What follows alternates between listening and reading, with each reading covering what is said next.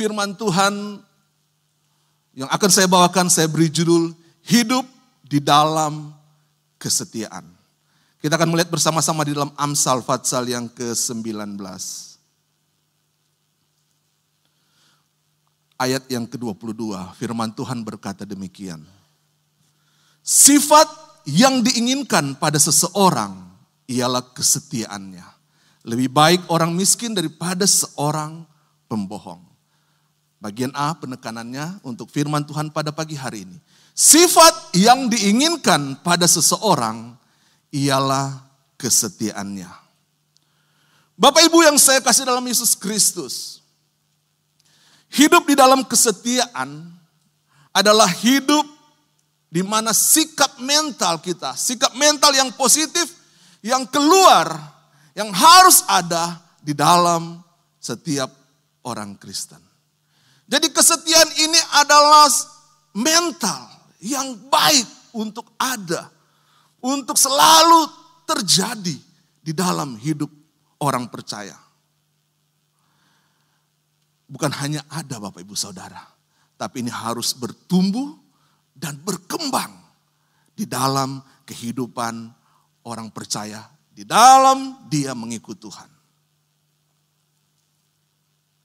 Inilah yang saya bisa katakan bahwa kesetiaan itu harus menjadi bagian di dalam kehidupan kita. Menjadi bagian di dalam kehidupan kita sehari-hari. Kenapa? Kalau hal ini menjadi bagian dalam kehidupan sehari-hari, kita bisa melihat hidup kita menikmati bersama dengan Tuhan. Tetapi Apakah kita bisa berkata, Tuhan saya mau setia kepada Tuhan. Tetapi hidup kita di rumah kita tidak setia kepada keluarga kita. Kita mau berkata, Tuhan saya mau setia kepadamu Tuhan. Tetapi di pekerjaan kita, kita tidak setia dalam pekerjaan kita. Jadi saya bisa katakan di dalam segala hal, di dalam segala sesuatu, kita harus setia. Mari kita akan melihat Bapak Ibu Saudara, kenyataan yang sering terjadi, kesetiaan seseorang itu dipengaruhi oleh keadaan yang terjadi. Sekali lagi, kesetiaan seseorang itu dipengaruhi oleh keadaan yang terjadi. Pasangan mulai tidak setia ketika terjadi percekcokan di dalam rumah tangga. Ketika timbul konflik, timbul masalah di dalam rumah tangga Mungkin sebagai pekerja, kita mulai tidak setia di dalam pekerjaan kita. Ketika kita melihat realita terjadi, upah yang kita terima tidak sesuai dengan apa yang kita kerjakan. Atau juga bisa dikatakan kita banyak, kita sebagai orang Kristen kita mengikut Tuhan. Kita mengikut Tuhan di mana kita mendapatkan berkat. Kita hanya mau menerima berkat saja. Kita mengikut Tuhan untuk kita menerima kesembuhan saja. Tetapi ketika kenyataan yang terjadi, ketika masalah, ketika persoalan datang dalam hidup kita, kita mulai undur mengikut Tuhan. Atau hal yang ini, bertahun-tahun kita berdoa, tetapi Tuhan tidak menjawab. Dan mulai kita mengundur Tuhan. Inilah sering terjadi di dalam setiap orang. Khususnya anak Tuhan Kesetiaan seseorang sering dipengaruhi oleh keadaan yang terjadi. Tapi hari ini kita akan belajar bahwa kesetiaan kita kepada Tuhan itu adalah komitmen kita, komitmen saudara, komitmen kita kepada Tuhan untuk tetap terus mengasihi Tuhan. Kesetiaan kita kepada Tuhan itulah suatu komitmen kita untuk tetap kita mengikut Tuhan mengiringi Tuhan. Saudara, kita tidak hanya bisa berkata begini, saya mau setia kepada Tuhan. Saya mau tetap mengiringi Tuhan. Atau bahkan kita berkata, sampai kapan pun saya tetap bergereja atau beribadah di GPDI Mahanaim. Kita bisa berkata demikian. Tetapi saudara, apa pun yang kita katakan itu, itu tidak bisa membuktikan untuk kita setia kepada Tuhan. Itu tidak bisa membuktikan untuk kita ber dalam kita mengiringi Tuhan.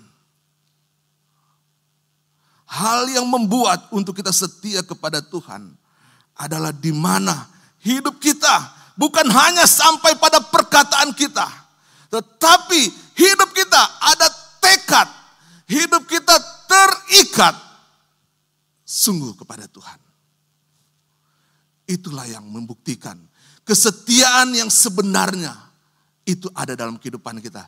Di mana hidup kita sebuah tekad atau keterikatan kita yang sesungguhnya. Kepada siapa? Keterikatan kita kepada Tuhan. Dalam kita mengasihi Tuhan. Dalam kita menerima, mengerti firman Tuhan. Dan kita melakukan firman itu. Itulah yang dinamakan di mana bukti bahwa kita sungguh-sungguh setia mengiringi Tuhan. Bapak Ibu Saudara saya menggambarkan seperti ini, kesetiaan itu seperti mercusuar.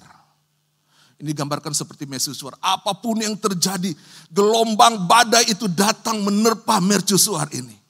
Dia tetap berdiri kokoh. Badai mau menyerang hidupnya, menyerang mercusuar ini. Dia tidak berpindah dari tempatnya. Inilah mercusuar. Hal yang sama dalam kehidupan kita. Bagaimana kesetiaan kita kepada Tuhan. Menentukan dari komitmen kita kepada Tuhan. Pagi hari ini kita akan belajar. Ada tiga hal yang kita akan melihat dari pelajaran yang kita akan yang terdapat di dalam Lukas pasal yang ke-9 ayat yang ke-57 sampai ayat yang ke-62. Kita akan melihat ada tiga hal yang kita bisa pelajari dari dari dari perikop ini tentang kesetiaan kita mengikut Tuhan. Yang pertama yang kita bisa lihat ialah kesetiaan adalah mengikut Tuhan di dalam segala keadaan. Kesetiaan adalah mengikut Tuhan di dalam segala keadaan. Ayat yang ke-57. Firman Tuhan berkata demikian. Ketika Yesus dan murid-muridnya melanjutkan perjalanan mereka. Berkatalah seorang di tengah jalan kepada Yesus. Aku akan mengikut engkau ke mana pun engkau pergi. Aku akan mengikut engkau ke mana pun engkau pergi. Di dalam perjalanan Yesus bersama murid-muridnya. Ada seorang datang kepada Yesus dan dia berkata, Tuhan, aku akan mengikut engkau ke mana pun engkau pergi. Bapak ibu saudara kalau kita membaca ayat ini. Kita melihat suatu perkataan yang keluar dari seorang yang di mana ada semangat dalam dirinya di mana ada antusias untuk mengikut Yesus. Kalau kita bandingkan ini, saya tidak ada di LCD. Kalau kita bandingkan ini dengan Matius pasal yang ke-8 ayat 19. Orang ini, orang yang berbicara kepada Yesus ini adalah seorang ahli Taurat. Seorang ahli Taurat. Dengan keyakinannya dia berkata, Aku akan mengikut engkau ke mana pun engkau pergi. Dengan antusias, ia ingin mengikut Yesus. Dengan semangatnya, ia akan mengikut Yesus ke mana pun ia pergi.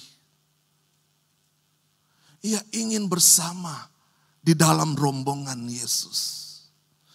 Tapi di sini Bapak Ibu Saudara, pertanyaannya, pertanyaan yang kita bisa lihat dalam hal ini dengan antusias dari orang ini. Apakah ia benar-benar mengikut Yesus? Dengan antusiasnya, apakah dia benar-benar ini membuktikan dia benar-benar orang yang setia? Kalau kita membaca di ayat yang ke-58, ini akan membuktikan bahwa kesetiaannya itu benar atau hanya di mulut saja. Lukas pasal 9 ayat, ini, ayat yang ke-58 berkata demikian. Yesus berkata kepadanya, serigala mempunyai liang dan burung mempunyai sarang. Tetapi anak manusia tidak mempunyai tempat untuk meletakkan kepalanya. Binatang semuanya mempunyai sarang. Tetapi anak manusia Siapa anak manusia ini yang Yesus katakan? Merujuk kepada dirinya sendiri Yesus. Tapi saya tidak punya tempat untuk meletakkan kepala saya. Tidak punya tempat untuk saya berdiam, untuk tempat untuk saya berteduh. Ini yang yang Yesus katakan kepada orang ini atau si ahli Taurat ini yang mengikut Yesus.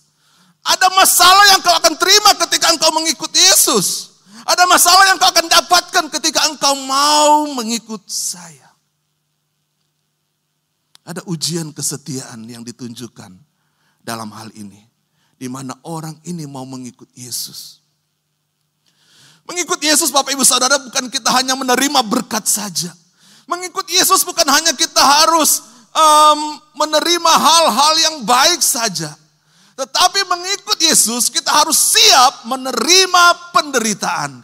Kita harus siap menerima kesulitan. Bahkan tantangan untuk datang dalam kehidupan kita. Ini yang Yesus katakan. Ini yang Yesus katakan kepada kepada orang itu. Serigala mempunyai sarang liangnya dan burung mempunyai sarangnya. Tetapi anak Tuhan, anak manusia tidak mempunyai tempat untuk diletakkan kepalanya. Bapak Ibu Saudara, apa yang terjadi? Orang ini bukan dia mengikut Yesus, tapi dia pergi meninggalkan Yesus. Tidak ada kesetiaan yang dibarengi dengan komitmen sungguh-sungguh di dalam dirinya. Sehingga ketika Yesus ungkapkan hal ini, dia meninggalkan Yesus. Bapak Ibu Saudara, kesetiaan kita dalam mengikut Yesus tidak hanya cukup di dalam hal saya mau mengikut Yesus, saya mau setia datang beribadah. Saya mengikut Yesus, saya mau setia dalam pelayanan. Saya mengikut Yesus, saya hanya mau setia untuk untuk apa? Untuk saya um, um, datang setiap minggu ke gereja. Tetapi kesetiaan itu harus ada komitmen untuk tetap di dalam diri kita. Untuk tetap setia mengikut Yesus. Apa pun keadaannya. Sekali lagi, apa pun keadaannya. Itulah orang yang setia. Komitmen dalam diri kita untuk tetap setia mengikut Tuhan apa pun keadaannya. Bapak Ibu Saudara ada perbedaan antara orang yang hanya mengikut Tuhan atau orang yang hanya mau terlibat dan orang yang berkomitmen untuk setia. Di sini saya sudah menulisnya. Orang yang sekedar hanya ikut Tuhan, hanya mau terlibat dengan Tuhan adalah di mana dia mau ikut Tuhan tapi hanya di permukaan saja. Jika ada resiko yang terjadi, maka ia tidak mau lagi ikut Tuhan. Beda dengan orang yang berkomitmen. Tetap mengikut Tuhan, walaupun apa yang terjadi, karena tekadnya untuk setia kepada Tuhan. Ada sesuatu yang keluar dalam dirinya, terpancar dalam siap dalam hidupnya untuk tetap setia kepada Tuhan. Ini perbedaannya. Di mana hidup kita Bapak Ibu Saudara? Apa kita sebagai orang sekedar ikut Tuhan atau orang yang punya komitmen untuk setia ikut Tuhan? Itu dalam diri kita sendiri yang mengetahui bersama dengan Tuhan. Bapak Ibu Saudara, jadi dalam hal ini orang yang setia kepada Tuhan adalah orang yang sungguh-sungguh mengiringi Tuhan ke mana pun atau apa pun keadaan yang terjadi. Seberapa banyak anak Tuhan yang saat ini Bapak Ibu Saudara yang mungkin saya tidak tahu apakah ada saat ini dalam kehidupan yang hadir di tempat ini. Tetapi seberapa banyak anak Tuhan saat ini mereka di mana hidup mereka mereka mulai menjauh dari Tuhan. Kondisi saat ini, pandemi saat ini COVID-19 ini, mereka bukan datang setia kepada Tuhan, tetapi mereka mulai menjauh kepada Tuhan. Yang dulunya katakan saya setia kepada Tuhan saya mengikut Tuhan. Tapi kondisi ini membuat dia meninggalkan Tuhan. Atau seberapa banyak jemaat Tuhan yang ada yang di mana mereka di pandemi ini mereka bukan datang beribadah. Mereka bukan datang beribadah tapi mereka lebih melakukan hal yang lain. Orang yang setia kepada Tuhan, dia tetap beribadah kepada Tuhan. Sekali lagi, orang yang setia kepada Tuhan, dia tidak pernah meninggalkan Tuhan, tetapi dia tetap setia apa pun keadaannya, apa pun yang terjadi. Yang kedua, kita melihat dari perikop yang kita mau, mau melihat ada tiga hal. Yang kedua adalah kesetiaan itu adalah pilihan. Lukas 9 ayat 59 sampai 60 untuk penjelasan hal ini. Kesetiaan itu adalah pilihan. Ayat 59. Lalu ia berkata kepada seorang yang lain, ikutlah aku. Tetapi orang itu berkata, izinkanlah aku pergi dahulu menguburkan Bapakku. Ayat 60. Tetapi Yesus berkata kepadanya, biarlah orang mati menguburkan orang mati tetapi engkau pergi dan beritakanlah kerajaan Allah di mana di mana mana. Bapak Ibu Saudara, seperti yang saya katakan yang kedua, yaitu kesetiaan itu adalah pilihan. Kesetiaan itu bukan tergantung pada keadaan, tetapi pilihan yang kita ambil apa pun keadaannya. Sekali lagi, kesetiaan itu bukan tergantung pada keadaan, tetapi pilihan yang kita ambil untuk kita tetap setia apa pun keadaannya. Saya bisa ilustrasikan seperti ini. Saya menjual es durian. Di sini terkenal ada yang di jalan di belakang bank yang di sana. Dia menjual bukan hanya pada saat musim panas aja. Tetapi kita melihat dia menjual es durian itu sepanjang tahun itu tetap laku. Ini membuktikan bahwa es durian ini tetap diminati orang walaupun keadaan apa itu yang terjadi. Baik musim panas, musim hujan, hanya dua musim yang kita yang terjadi di Indonesia, tetap laku es durian ini. Inilah yang membuktikan bahwa Kesetiaan itu tidak tergantung dengan apa yang terjadi dalam hidup kita. Masalah apa pun yang kita alami, persoalan kita alami, itu tidak menjadi menjadi menjadi apa? Menjadi halangan bagi kita untuk tetap setia kepada Tuhan. Apa pun keadaannya, kita tetap setia kepada Tuhan. Menjadi orang yang setia kepada Tuhan, Bapak Ibu Saudara, bukan diukur dari status dia sebagai orang Kristen saya sudah menjadi orang Kristen berpuluh-puluh tahun. Saya sudah menjadi orang Kristen dari pertama kali gereja ini berdiri. Bukan di situ diukur untuk kita setia kepada Tuhan. Tetapi kesetiaan kepada Tuhan adalah pilihan yang diambil dalam diri kita untuk kita menjadi bagian di dalam hidup kita. Untuk ada di dalam hidup kita ini. Untuk menjadi bagian terjadi di dalam hidup ini. Bapak ibu saudara, di dalam Matius pasal yang ke-8 ayat 21, orang yang kedua ini, ini adalah menjelaskan tentang murid Yesus. Salah satu murid Yesus, di mana saat Yesus memanggil dia untuk mari tetap ikut aku. Tetapi dia berkata kepada Tuhan, Tuhan izinkan aku untuk pulang ke rumah untuk menguburkan Bapakku. Tindakan ini Bapak Ibu Saudara di mana dia sebagai murid Yesus, dia meminta kepada Tuhan untuk pulang ke rumah untuk mengubur bapaknya. Tindakan orang ini adalah di mana dia menolak, ada penolakan dalam dirinya untuk atas panggilan Tuhan, untuk dia mengikut Tuhan. Bapak Ibu Saudara, kalau saya melihat dalam penafsiran untuk ayat ini, bapaknya belum mati, bapaknya masih hidup. Tetapi dia berkata, Tuhan saya mau pulang ke rumah untuk menguburkan bapak saya. Dengan kata lain, dia akan pulang ke rumah, menunggu bapaknya yang masih hidup untuk mati, baru dia kuburkan bapaknya, maka dia baru mengikut Tuhan.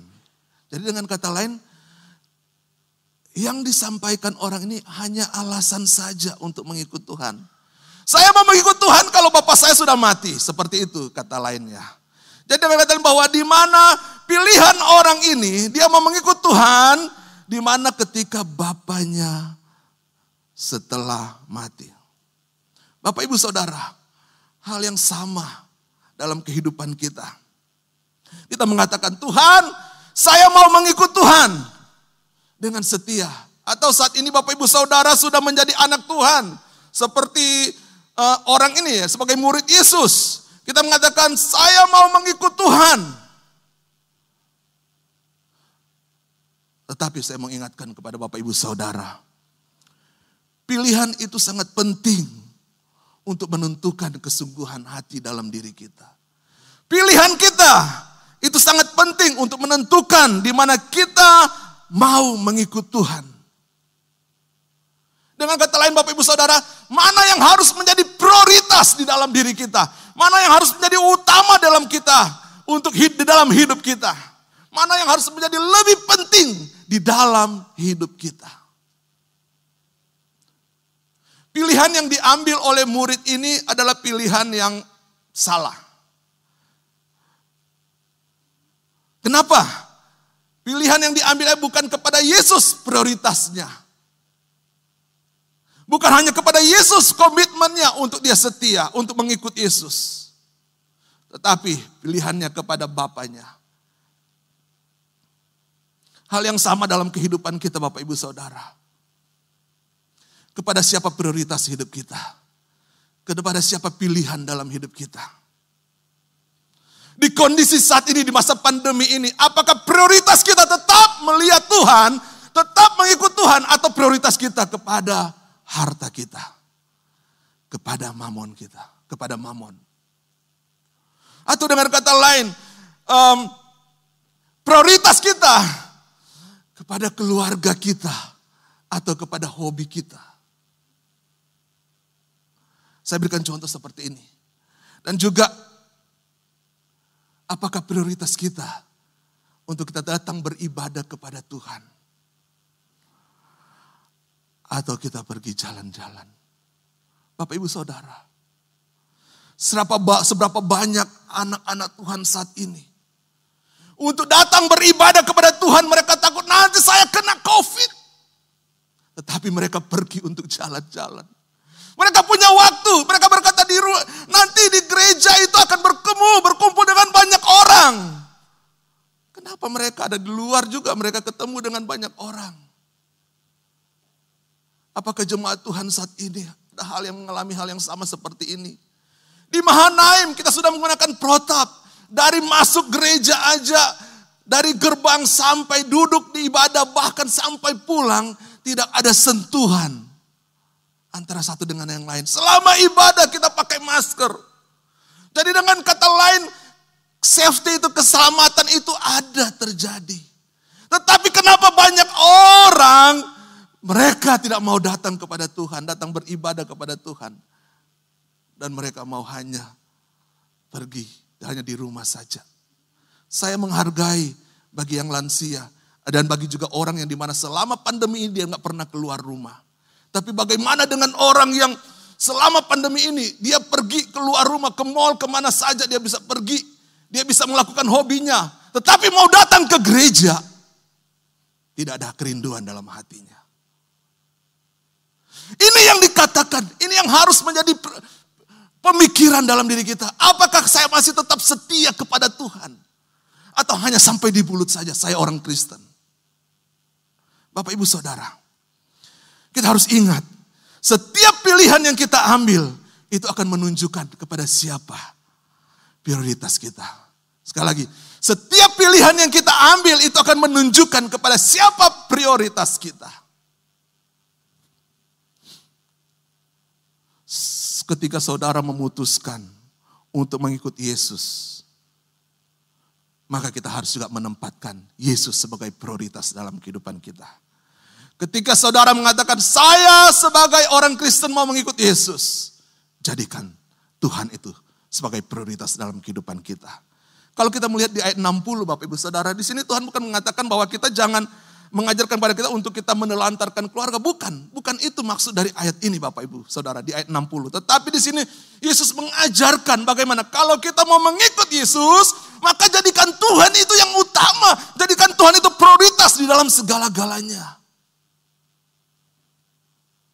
Di dalam Alkitab Bapak Ibu Saudara ada, ada, ada, ada contoh seorang tokoh Alkitab di mana dia tetap setia kepada Tuhan.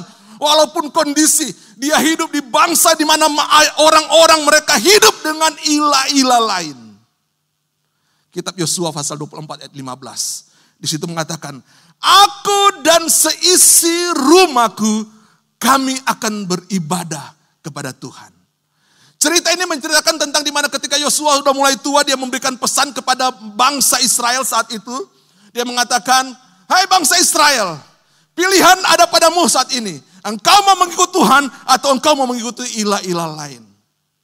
Kita melihat kondisi di sini kesetiaan dari Yosua. Kesetiaan Yosua ini sudah terbukti, sudah teruji. Di mana dia sebelum dia menjadi pemimpin bangsa Israel, dia menjadi pelayannya Musa. Dia tetap setia kepada Tuhan. Dia bersama Kaleb ketika disuruh oleh Musa untuk mematai-matai bangsa Yeriko, kota, uh, kota bangsa Yeriko, kerajaan Yeriko, di mana ada 10 10 orang yang bersama dengan mereka mengatakan hal kenyataan yang memang kenyataan yang benar. Bangsanya besar-besar. Tetapi di sini karena kesetiaan Yosua kepada Tuhan dia berkata, kita bisa mengalahkan Yeriko. Kita bisa menghancurkan Yeriko. Dan juga kita melihat selama kepemimpinan Yosua memimpin bangsa Israel dia tetap setia kepada Tuhan. Apa pun yang terjadi, dia tetap setia kepada Tuhan. Kesetiaan saudara karena prioritas, karena pilihan kita untuk kita prioritaskan Tuhan dalam kehidupan kita. Saya percaya kesetiaan Bapak Ibu Saudara yang hadir pada saat ini maupun yang ada di rumah dengan sungguh-sungguh untuk datang beribadah kepada Tuhan saya percaya ini adalah pilihan kita untuk kita tetap prioritas kepada Tuhan. Harta, kekayaan kita, jabatan kita, kesenangan kita, hobi kita, semua berada di bawah Yesus sebagai prioritas dalam kehidupan kita. Saya percaya itu ada dalam kehidupan Bapak Ibu Saudara saat ini. Tetapi kenyataan tidak bisa dipungkiri Bapak Ibu Saudara. Kenyataan tidak bisa dipungkiri. Apakah ini pertanyaan? Apakah Yesus segala-galanya? Apakah Yesus segala-galanya dalam kehidupan kita sebagai orang percaya? Ada banyak orang, saya bisa katakan, ada banyak orang Kristen di mana dia menjadikan Tuhan itu sebagai alternatif aja. Hanya sebagai alternatif.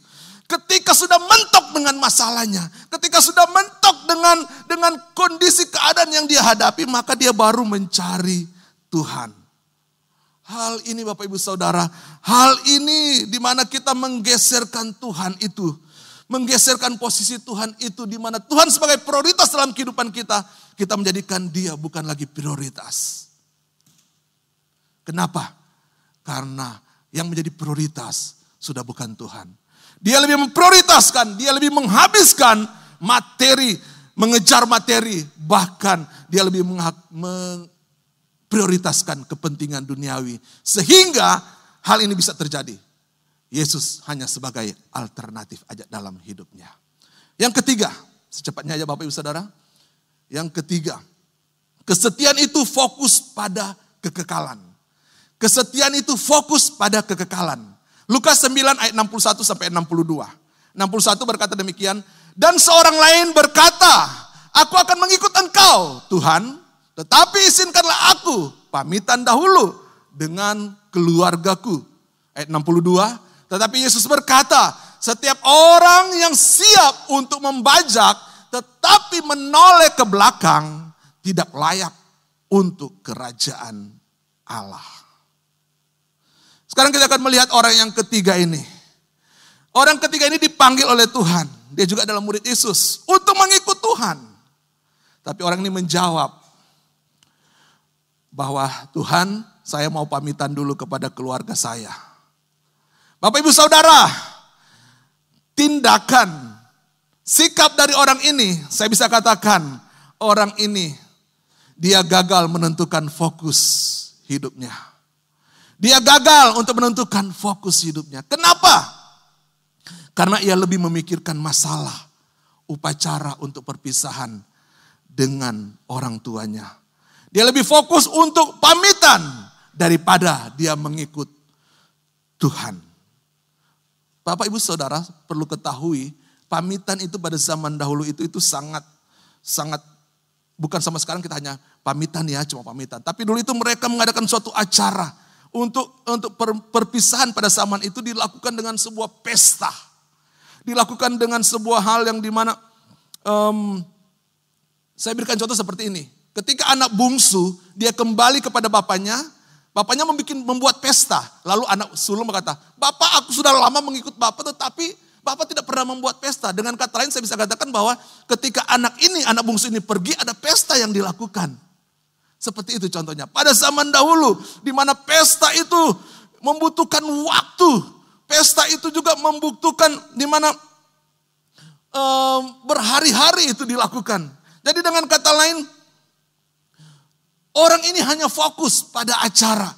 Orang ini hanya fokus pada dia mana dia bersukaria di sana, dia bersenang-senang di sana. Tetapi dia tidak mau mengikut Tuhan. Saya nggak mau ikut Tuhan, saya mau pamitan dulu. Dalam pikirannya dia, oh saya mau ber, bersenang-senang dulu. Bapak ibu saudara, orang ini telah gagal fokus. Dia telah gagal fokus. Kenapa? Ayat 62, Yesus mengilustrasikan seperti ini. Tidak mungkin untuk menghasilkan bajakan yang baik jika orang ini memandang ke belakang. Ini ilustrasi dari Tuhan di ayat 62. Tidak mungkin hasil yang baik atas bajakan itu kalau orang yang membajak itu dia memandang ke belakang. Dengan kata lain bahwa tidak ada fokus dalam hal ini. Hal yang sama yang kita bisa lihat Bapak Ibu Saudara kepada istri Lot. Istri Lot dia tidak fokus sehingga dia menjadi tiang garam. Dia menjadi tiang garam kenapa? Karena hatinya masih tertuju kepada hal yang duniawi di belakang. Sehingga ketika dia memandang ke belakang, dia menjadi tiang garam. Bagaimana dengan hidup kita Bapak Ibu Saudara? Apakah hari-hari ini kita mulai gagal fokus? Bapak Ibu Saudara yang tahu. Hati saudara, hati saudara tidak lagi sepenuhnya tertuju kepada kekekalan Bapak Ibu Saudara yang tahu. Saya bisa katakan begini, apakah Bapak Ibu Saudara ini bisa menjadi suatu suatu apa um, um, perbandingan dalam diri kita, apakah saya masih tetap fokus atau tidak? Apakah kita datang beribadah kepada Tuhan? Kita mau fokus ibadah kepada Tuhan atau kita mau datang kepada Tuhan karena di Mahanaim musiknya full bandnya keren. Lagu-lagunya keren. Hal yang kedua, apakah kita mau datang beribadah kepada Tuhan karena kita mau ketemu dengan orang dengan teman-teman karena sudah sepanjang tahun lebih setahun lebih nggak pernah ketemu dan banyak hal yang lain dan yang terutama ini Apakah kita mengikut Tuhan? Kita mengutamakan Tuhan atau kita lebih mengutamakan hal-hal duniawi? Tapi kita melihat di sini, bagaimana fokus kita?